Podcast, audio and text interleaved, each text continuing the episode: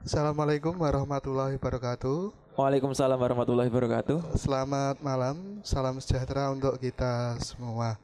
Selamat malam para pemantik Pak Heru, Mas Tamba dan Mas Elga.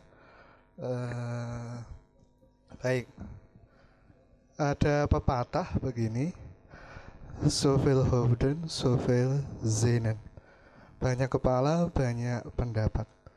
Jadi kalau merujuk pada eh, aksi-aksi beberapa hari terakhir itu memang menandakan bahwa masyarakat kita itu sudah mencapai titik di mana mereka harus menyatakan diri bahwa aku harus beraksi. Gitu. Beraksi dalam arti mereka melakukan demonstrasi itu yang pertama. Tapi tidak hanya sebatas itu, juga ada kelompok-kelompok yang melakukan kajian-kajian kemudian mereka mengirimkan kajian-kajian il- ilmiah itu ke pihak-pihak yang berwenang, terutama di dewan dan Kementerian Hukum mungkin dalam hal ini karena mereka yang berwenang untuk melakukan kajian awal ya gitu. Baik, saya akan lebih menanggapi dari segi kriminologi dan viktimologi. Jadi karena saya memang dulu juga belajar di Surabaya, Mas Sony. Ya, jadi saya selama tiga tahun di sana mengerti bahwa Tulungagung dan Surabaya itu juga berbeda jauh. Dengan Malang juga berbeda jauh. Jadi dan kita kumpul dari berbagai belahan Indonesia dari Batak kemudian dari Ambon kemudian teman-teman saya dari Bugis itu juga banyak dan punya karakter masing-masing Eh, saya sebagai memang pure Jawa itu pertama ya kaget memang tapi saya harus menyesuaikan diri kalau mereka tidak mau tersinggung oleh perkataan dan tingkah laku saya juga. Saya menjaga hal, hal itu gitu. Eh, baik begini langsung saya ke ke pokok materinya saja. Saya sebenarnya dapat wanti-wanti dari dosen saya waktu itu saat saya mas 2012 dipanggil oleh Profesor Didi untuk membantu beliau itu membantu pengajaran menyiapkan media pengajaran di pendidikan Pancasila. Waktu itu di Universitas Erlangga Surabaya. Beliau menyatakan begini, Mas gitu. KUHP itu sejarahnya begini. Jadi saya ceritakan. Beliau itu dulu waktu kuliah di Universitas Leiden Belanda karena beliau itu lulus dari Leiden itu tahun 59. Beliau sudah tua sekali. Ya. Beliau sudah tua sekali. Lulus dari tahun 59 beliau langsung ngajar di bidang pidana waktu itu. Sejarahnya begini loh Mas gitu. Tahun 1000 jadi undang-undang nomor 1 tahun 1946 itu terbit untuk menyatakan bahwa Wetboek van Strafrecht Vonderlands van Indiese itu dibu di, bisa disebut menjadi Wetboek van Strafrecht Vonderlands for Indonesia. Dan bisa dinamakan KUHP titik. Tidak dibicarakan terjemahan. Baru kemudian muncul terjemahan Susilo Mulyatno BPHN di mana beliau turut serta menyusun itu. BPHN itu terbitan BPHN kemudian timbul lagi terjemahan Subekti Berkhalet Wetboek yang sekarang banyak dipakai para sarjana-sarjana hukum di saat itu. Sebenarnya tahun 2010 di era pemerintahan Presiden Susilo Bambang Yudhoyono, oh, beliau juga sudah mengingatkan bahwa saat beliau masih di BPHN waktu itu, beliau mengingatkan bahwa ini harus segera disahkan, tapi harus melalui kajian yang runtut. Karena banyak sekali bagian-bagian yang tidak bisa serta-merta. Karena dalam aspek ilmu hukum itu ada produk hukum itu harus dibentuk harus ada riwayatnya yaitu historis, struktur dan kultur. Nah, di dalam kultur inilah undang-undang itu harus mencakup kultur dari Sabang sampai Merauke. Tidak serta merta langsung dibentuk begitu saja tidak bisa. Harus ada kajian kulturnya. Ini yang menjadi pokok menurut beliau itu belum beres hingga saat ini. Karena saat berganti pemerintah, kemudian akademisinya diganti lagi, yang menyusun diganti lagi, diganti lagi, itu yang menjadi permasalahan. Begitu beliau beliau mengungkapkannya seperti itu kepada kami waktu itu para asisten-asisten itu. Uh, kemudian yang menjadi permasalahan lagi nanti kalau sudah di KUH Perdata gimana? Padahal bukunya kan lebih tebal. Nah, itu. Juga beliau juga menyampaikan begini. Saat saya masih di Leiden, beliau itu ngomong sama gurunya itu Profesor Frey waktu itu. Kenapa kalau kita bisa bikin empat buku menjadi tiga buku, kita tidak bi kenapa kita tidak bikin tiga menjadi dua buku? Akhirlah lahirlah KUHP dan KUH per saat ini. Jadi yang asli itu memang empat buku waktu itu, KUHP itu itu undang-undang dari Perancis kemudian ditembak oleh Belanda, dituri oleh Belanda, kemudian Belanda menjajah kita ditembak dari tiga buku menjadi dua buku. Gitu. Beliau mengungkapkannya seperti itu. Nah, dari saat ini memang kajian-kajiannya memang harus sesuai dengan aspek-aspek yang sudah ada dalam runtutan ilmu hukum. Jadi aspek historis, kemudian aspek uh, struktur dan kultur itu yang harus menjadi perhatian. Nah, saat kita menyuarakan menyuarakan di di kita sebagai mahasiswa, Anda-anda yang sebagai mahasiswa memang harus dikaji semendalam itu. Kalaupun ada keterbatasan, oh saya belum sampai seperti itu, didiskusikan dengan dosennya. Itu lebih baik Pak, saya minta waktu, mari diskusi tentang ini.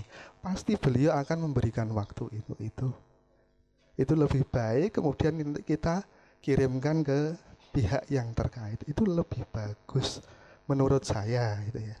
Seperti itu. Kurang lebihnya seperti itu, Mas. Matur suwun, terima kasih. Bil wa Assalamualaikum warahmatullahi wabarakatuh. Waalaikumsalam warahmatullahi wabarakatuh. Tepuk tangan untuk Mas Cahyo nggak pernah absen untuk ngaji ngopi. Oke, okay, uh, eh, selanjutnya satu pertanyaan. Ini sudah pukul 21.44 ini pertanyaan terakhir. Belakang itu sudah duluan, Mas. Uh -uh. Kenapa? Kalau waktunya cukup, kita dua.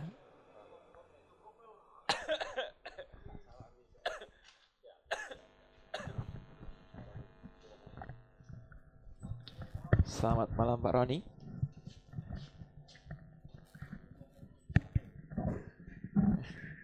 Assalamualaikum warahmatullahi wabarakatuh. Waalaikumsalam warahmatullahi wabarakatuh. Malam, salam sejahtera. Sebelumnya saya perkenalkan nama saya Roni. Uh, saya petani di Rejagung dan sering ngopi juga ke sini. Ada beberapa hal yang perlu saya sikapi dan barangkali saya pertanyakan secara langsung nanti kepada adik-adik. Uh, sebelumnya saya mau cerita sedikit bahwa Mas Heru ini satu angkatan dengan saya, kakak kelas saya dulu waktu SMA. Tapi karena saya sulit diatur, akhirnya kami beda. Saya di luaran seperti ini, baru berhasil. gitu nanti saya ada ada ada pertanyaan dan pesan untuk adik-adik mahasiswa dan dan Mas Heru sebagai anggap saja wakil rakyat dan memang demikian. Yang pertama bahwa kurang lebih dua atau tiga hari ini bahkan sebenarnya tanggal 17 kemarin sedikit banyak Alhamdulillah saya, saya diminta beberapa pertimbangan oleh adik-adik mahasiswa kaitannya dengan demonstrasi dan malam hari ini kebetulan ini dikupas masalah demonstrasi dengan judul demokra, uh, demonstrasi atau diam. Uh, memang tidak pantas kayaknya kalau mahasiswa tidak demonstrasi, iya. Karena dulu seperti yang diceritakan Mas Heru ini kalau 98 mahasiswa kelon itu aja akhirnya terus malah bangun demo jadi gini selama pros uh, selama pagi sampai sore hari bahkan sampai sekarang kayaknya teman-teman mahasiswa yang tadi sudah demo ini mendapatkan aplaus yang cukup bagus karena memang demonya bisa dibilang cukup berhasil dan juga eh, apa ya tanpa rusuh lah begitulah. Namun sebenarnya ketika saya dilibatkan dalam beberapa proses, saya mempunyai beberapa catatan mungkin juga kritik kepada adik-adik. Yang pertama masalah ego organisasi, Ormek sebagaimana kita ketahui bahwa ada tiga Ormek yang terlibat kalau tidak salah ya, GMNI, PMII, dan HMI dalam prosesnya sepertinya koordinasi antar ormek ini ada masalah. Ya nanti tak tahu sendiri kan termasuk proses proses dialog malam ini sepertinya antara Mas Anwar dengan baju PMII-nya kemudian dengan mungkin dengan GMNI dan lain-lain kayaknya seperti ada terputus begitu. Nanti mohon ini diklarifikasi. Yang jelas maksud saya begini. Oke lah, mungkin itu adalah sebuah keberhasilan dari proses kaderisasi di tingkat ormek kalian masing-masing. Tapi permasalahannya adalah ketika isu nasional yang Anda bawa, maka buang bakar semua bendera ormek kamu, gantikan dengan merah putih seharusnya. Itu yang pertama. Yang kedua, uh, kaitannya dengan saya juga mendengar selentingan masalah hegemoni senior. Jadi dikotomi senior junior di tingkat ormek ini uh, cukup cukup apa namanya apa ya cukup tajam. Nah ini saya kira tidak baik.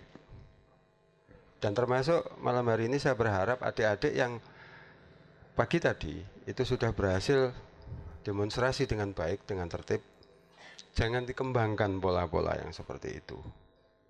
Barangkali nanti Mas Heru sebagai uh, apa namanya mantan aktivis 98 juga memberikan kiat-kiat kaitannya dengan uh, manajemen ormeknya itu kemudian yang kedua kaitannya dengan saran dan pertimbangan saya kepada Mas Heru uh, begini. Mahasiswa itu manusia ya. Jadi bukan simpanse gitu. Kalau tidak salah ada 1350 cc otak manusia. Di dalamnya ada 100 juta sel. Nah, kaitannya dengan Mas Heru apa? Ketika pembuatan eh, mungkin perangkat perundang-undangan yang berlaku di tingkat daerah, mohon teman-teman ini juga dilibatkan, diajak diskusi, apa maunya. Nah, ya paling tidak menggunakan ya lima sel sarapnya itu tadi itu itu itu sudah cukup gitu saya kira itu tak itu aja ada kurang lebih mohon maaf makasih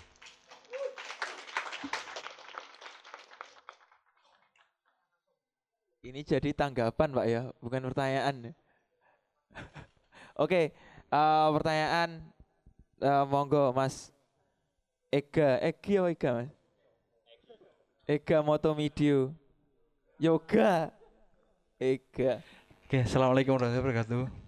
Waalaikumsalam warahmatullahi wabarakatuh. Perkenalkan nama saya Yoga Setiawan. Uh, dan sebelumnya saya mau bertanya, terima kasih Kak sudah diberi kesempatan malam kali ini. Dan sebelumnya minta maaf kalau mungkin nanti pertanyaan atau pernyataan saya di depan ini ada apa ya, mungkin uh, saya bukan orang akademisi jujur gitu ya, jadi tidak bisa menata bahasa sedemikian rupanya mungkin singkat kata saya pengen tanya kepada Mas dan Bapak-bapak di sini eh, dari mana eh, Mas dan Bapak-bapak ini tahu bahwasanya demo yang ada di Jakarta itu ada anarkis. Mulai dipukuli dan lain sebagainya. Karena ini juga menyangkut eh, dunia sekarang ya era sekarang. Sekarang Iya. era digital. Cepat sekali informasi itu eh, tersampaikan kepada kita. Apalagi kita se- sehari itu rata-rata berapa kali sih buka gadget? Itu sangat cepat sekali. Dan faktanya eh, ketika ada orang share share berita share berita itu eh, orang itu multi tafsir jadinya ya. Ada yang positif ada yang negatif dan banyak negatifnya faktanya seperti itu. Terbukti di forum-forum yang ada di Tulungagung itu aja.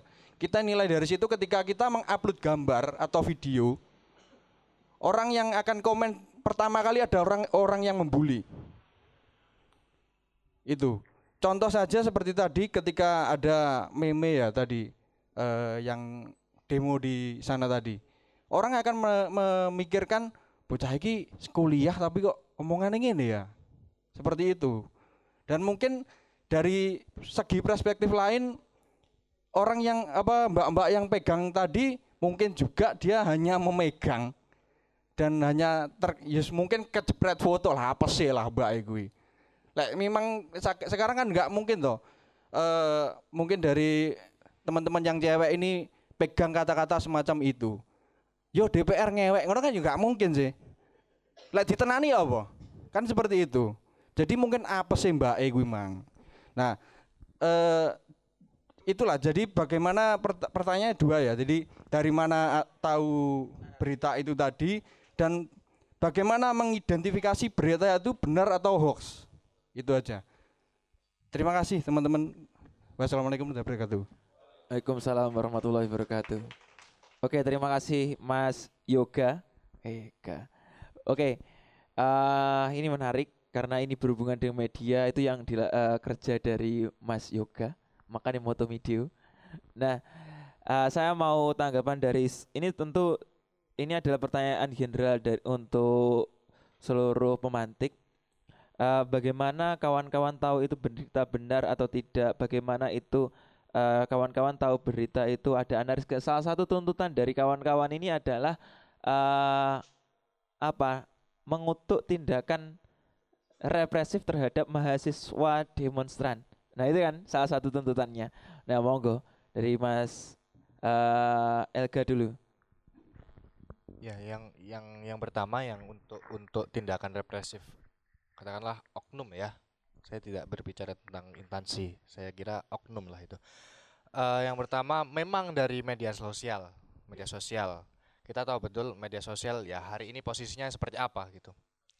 Yang kedua eh ada kalau saya pribadi ada jaringan saya, Mas, yang yang langsung saya tanyai yang terkait Sulawesi Utara sampai beliaunya meninggal salah satu kader organisasi ekstra ya seperti itu. Jadi saya tanya langsung. Dan yang kedua untuk untuk Hoax. hoax. Hoax yang eh tadi yang aksi tadi ya? Aksi ta- Benar eh, bagaimana cara mengetahui benar tidaknya suatu berita? oh oke. Mungkin yang yang tahu teknisnya untuk aksi tadi Mas Tamba gitu ya. Ta- tapi yang pasti salah satu foto salah satu foto tadi ada mahasiswi mahasiswi cantik-cantik lagi. Pegang yang kata-katanya ya ya seperti itu. It- itu ada salah satunya itu adalah ada sau- saudara saya saudari saya. Terus saya tanya ini sampean pegang dari mana? Saya cuma pinjem kamus lain. Ini jadi pamfletnya dia sebenarnya nggak nggak nggak buat seperti itu jadi iya bener. Apesnya apesnya pas di foto saya ada cecetannya. Aku mang apesnya pas di foto loh mas meng sajane aku mang kan motoku kan ndak madep kamera kuno tuh mas sebenarnya gitu. Terus tadi langsung eh dipanggil dal- dari apa dari pihak kampus sendiri. Saya mendampingi. Jadi saya juga jelaskan bagaimana mekanismenya dan lain sebagainya macam. Seperti itu sih mas. Terima kasih Oke, selanjutnya Mas Tamba. Ini ini pertanggungjawaban atas tuntutan Anda ini, Mas. Eh, jadi begini, pertanyaan masnya tadi adalah bagaimana apa? Bagaimana Eh, bagaimana mengetahui kebenaran suatu suatu info, suatu kabar, suatu berita yang topiknya itu menjurus pada tindakan represif militer, eh, Polri begitu ya, polisi. Nah, seperti yang dikatakan Mas Elga tadi, banyak jaringan, banyak jaringan kita, banyak jaringan kita. Kalau di berbagai daerah, di berbagai daerah. Kalau memang hal itu info tersebut masih ragu, ya kita lakukan pengkajian ulang. Kita lakukan pengkajian ulang.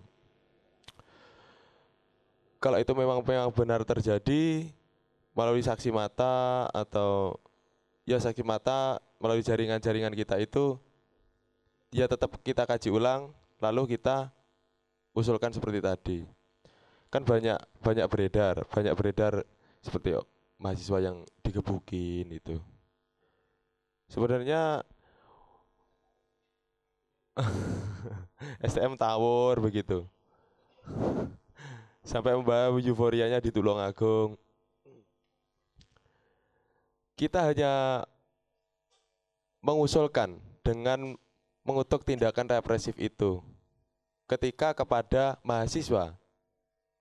Karena di dalam video itu belum tentu ini mahasiswa, ini anak STM atau penyusup. Kita hanya mengatakan kita mengutuk tindakan represif yang dilakukan kepada mahasiswa.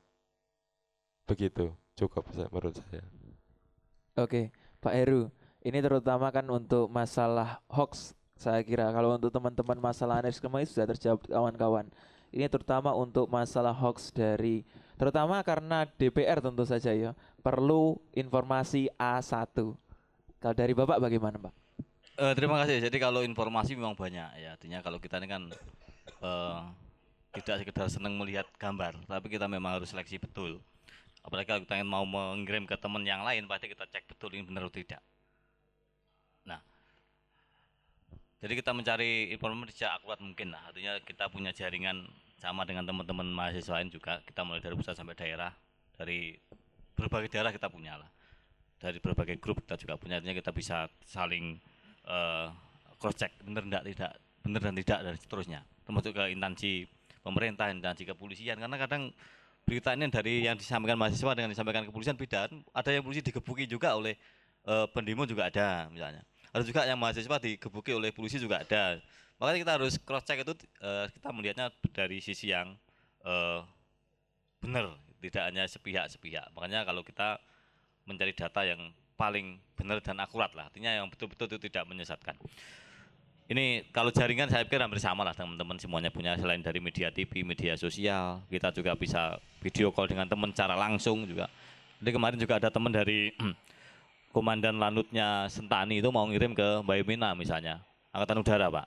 Teman saya kuliah sekarang letkol atau kolonel, langsung video call dia. Oh, korbannya banyak ini sebelumnya tapi tidak terekspos misalnya. Ini kan media akurat lah yang menyampaikan dari dari langsung komandannya misalnya begitu. Jadi kita memang melihatnya banyak sisi. Yang kedua kaitan dengan Mas Roni tadi, kita ini dalam mekanisme sebetulnya mekanisme penyusunan ran perda, luta di daerah ran perda. Kita dari mulai penyusunan naskah akademik, kita koordinasi dengan dengan perguruan tinggi, bisa dengan Brawijaya, bisa dengan UNER dan sebagainya. Lalu kalau sudah dibentuk pansus, kita pasti ngundang publik untuk public hearing. Tapi biasanya kita tidak ke kalau kampus langsung kepada perguruan tingginya yang kita minta. IAIN, STKIP, eh, UNITA, ada semuanya. Perguruan tinggi pasti kita beri surat untuk eh, datang. Dan temanya kan macam-macam. Misalnya kita tentang gender.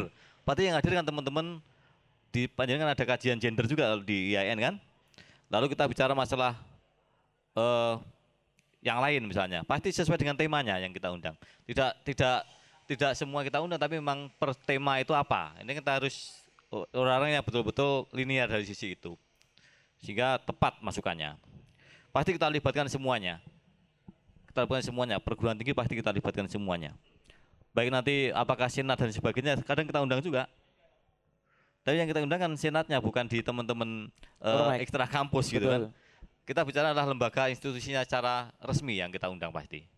Sehingga ini pasti kita termasuk eh, stakeholder dan ormas-ormas pasti kita undang kalau kita public hearing. Tetapi temanya menyesuaikan. Apa judulnya dan beda kan menyesuaikan dengan yang kita undang pasti. Tidak tidak ngawur pasti supaya eh, betul-betul tepat. Ini dan yang terakhir kaitan dengan masalah demo, Pak. Kita demo atau diam, kita tetap harus bergerak. Bergerak. Harus karena kita agen perubahan. Kita ini manusia yang punya visi misi yang ke depan supaya lebih baik. Pasti akan bergerak terus termasuk teman mahasiswa. Cuman gerakannya apakah perlu demo, apa perlu itu hanya masalah teknis. Tapi bergerak itu wajib. Bergerak wajib. Nah, masalah teknisnya bisa demo, bisa menyampaikan aspirasi dengan kajian-kajian dan sebagainya itu masalah teknis. Bisa diskusi. Ya, bisa diskusi seperti ini ngambil ngopi enak. Daripada kita panas-panasan kita akan diskusi itu ada jajannya, ada kan menyampaikan lebih gampang kan eh, masukan-masukannya dan sebagainya. Artinya banyak cara yang bisa di bisa dilakukan oleh teman-teman, eh, teman-teman teman-teman mahasiswa ini. Saya sebut teman-teman supaya supaya kelihatan muda saja saya. Jadi saya Iya. sebut teman-teman gitu. Supaya kelihatan muda. Jadi karena kalau umur mungkin saya paling tua lah, mungkin Mas Jojok juga dengan saya hampir sama lah kira-kira. Ya tua kono lah, kono rambutnya putih saya belum gitu, begitu. Oke. Oke, Tapi Pak. artinya dengan berbagai cara yang Heeh. lebih elegan, Iya. lebih bisa masuk tekniknya dan bisa eh, materi bisa betul-betul eh, nyampe. Ini yang penting. Jadi perlu pengawalan tadi kita sepakat teman sekalian kita sering koordinasi untuk pengawalan sebuah masalah yang disampaikan. Oke. Oke, itu aja ya, Mas. Jadi kita demo atau diam, maka jawabannya adalah bergerak. Kok Bergerak. beda ya, kok demo dengan diam kok saya jawabannya bergerak, karena bergerak ini lebih luas gitu loh. Itu aja, terima kasih. Oke oke oke. Tepuk tangan untuk Pak Heru. Terakhir, satu pertanyaan terakhir dari kawan-kawan. Ada? Tidak ada? Cukup? Dikecukupkan ya? Oke, berarti sudah puas semua terhadap semua pertanyaan. Untuk ini sudah pukul 22, pas tepat sini tadi. Eh, saya pengen dari teman-teman, eh dari teman-teman, dari pemantik kita untuk memberikan statement terakhir, bukan statement terakhir seumur hidup loh ya. Ini adalah statement terakhir dalam acara ngaji kopi kita pada malam hari ini. Mungkin dari Mas Elga dulu, monggo. Iya, terima kasih. Eh, tadi yang saya sampaikan, pemuda sudah waktunya ambil peran menjadi cooling system. Dan yang kedua, Suradiro Jayaningrat lebur dinding pangastuti. Terima kasih. Terima kasih Mas Elga. Monggo Mas Tambah. Dalam mengendarai sepeda, kita harus mengayuh, kita harus bergerak. Terima kasih. Oke, Pak Heru. Kita harus semangat bergerak untuk maju. Tepuk tangan untuk semua pan- eh, pemantik kita malam hari ini. Baru pada malam hari ini pemantik kita statement me- eh, closing statementnya ringkas. Oke terima kasih Mas Lega, terima kasih sekali pada malam hari mau hadir bersama kita Mas Tamba, Pak Heru, ini tetangga. Oke, em, kawan-kawan, eh, inilah ngaji ngopi yang kita lakukan eh, antara entah berdemonstrasi atau mungkin antara de- berdemonstrasi dan diam sesungguhnya ada pilihan-pilihan lain yang terpapar di hadapan kita. Bagaimana cara kita untuk menyampaikan aspirasi itu adalah pilihan yang harus kita pilih. Artinya tidak melulu harus demonstrasi, tapi di antara diam dan demonstrasi masih ada banyak pilihan lain yang bisa kita pilih sesungguhnya. Em, sebelum kita menutup acara pada malam hari ini, saya menulis beberapa eh, respon dari pemantik kita dan juga kawan-kawan yang saya tulis dalam catatan saya. Dedi, demo atau diam. Menyampaikan aspirasi adalah hak seluruh masyarakat demi memutuskan kebijakan yang harus difikirkan secara cermat. Sebab keputusan selalu berdampak, semua itu terasa secara serempak. Aspirasi perlu disuarakan, tak seharusnya kita apatis dan menerima keadaan. Sudah saatnya mahasiswa ambil peran, sebab mengejar wisuda bukan sesuatu yang patut untuk dikenang. Berpartisipasi adalah mengambil sikap. Akan diperlu eh, akan diperlukan mahasiswa-mahasiswa pilihan yang benar-benar siap. Terima kasih inilah ngaji ngopi, berdiskusi mencari ngerti.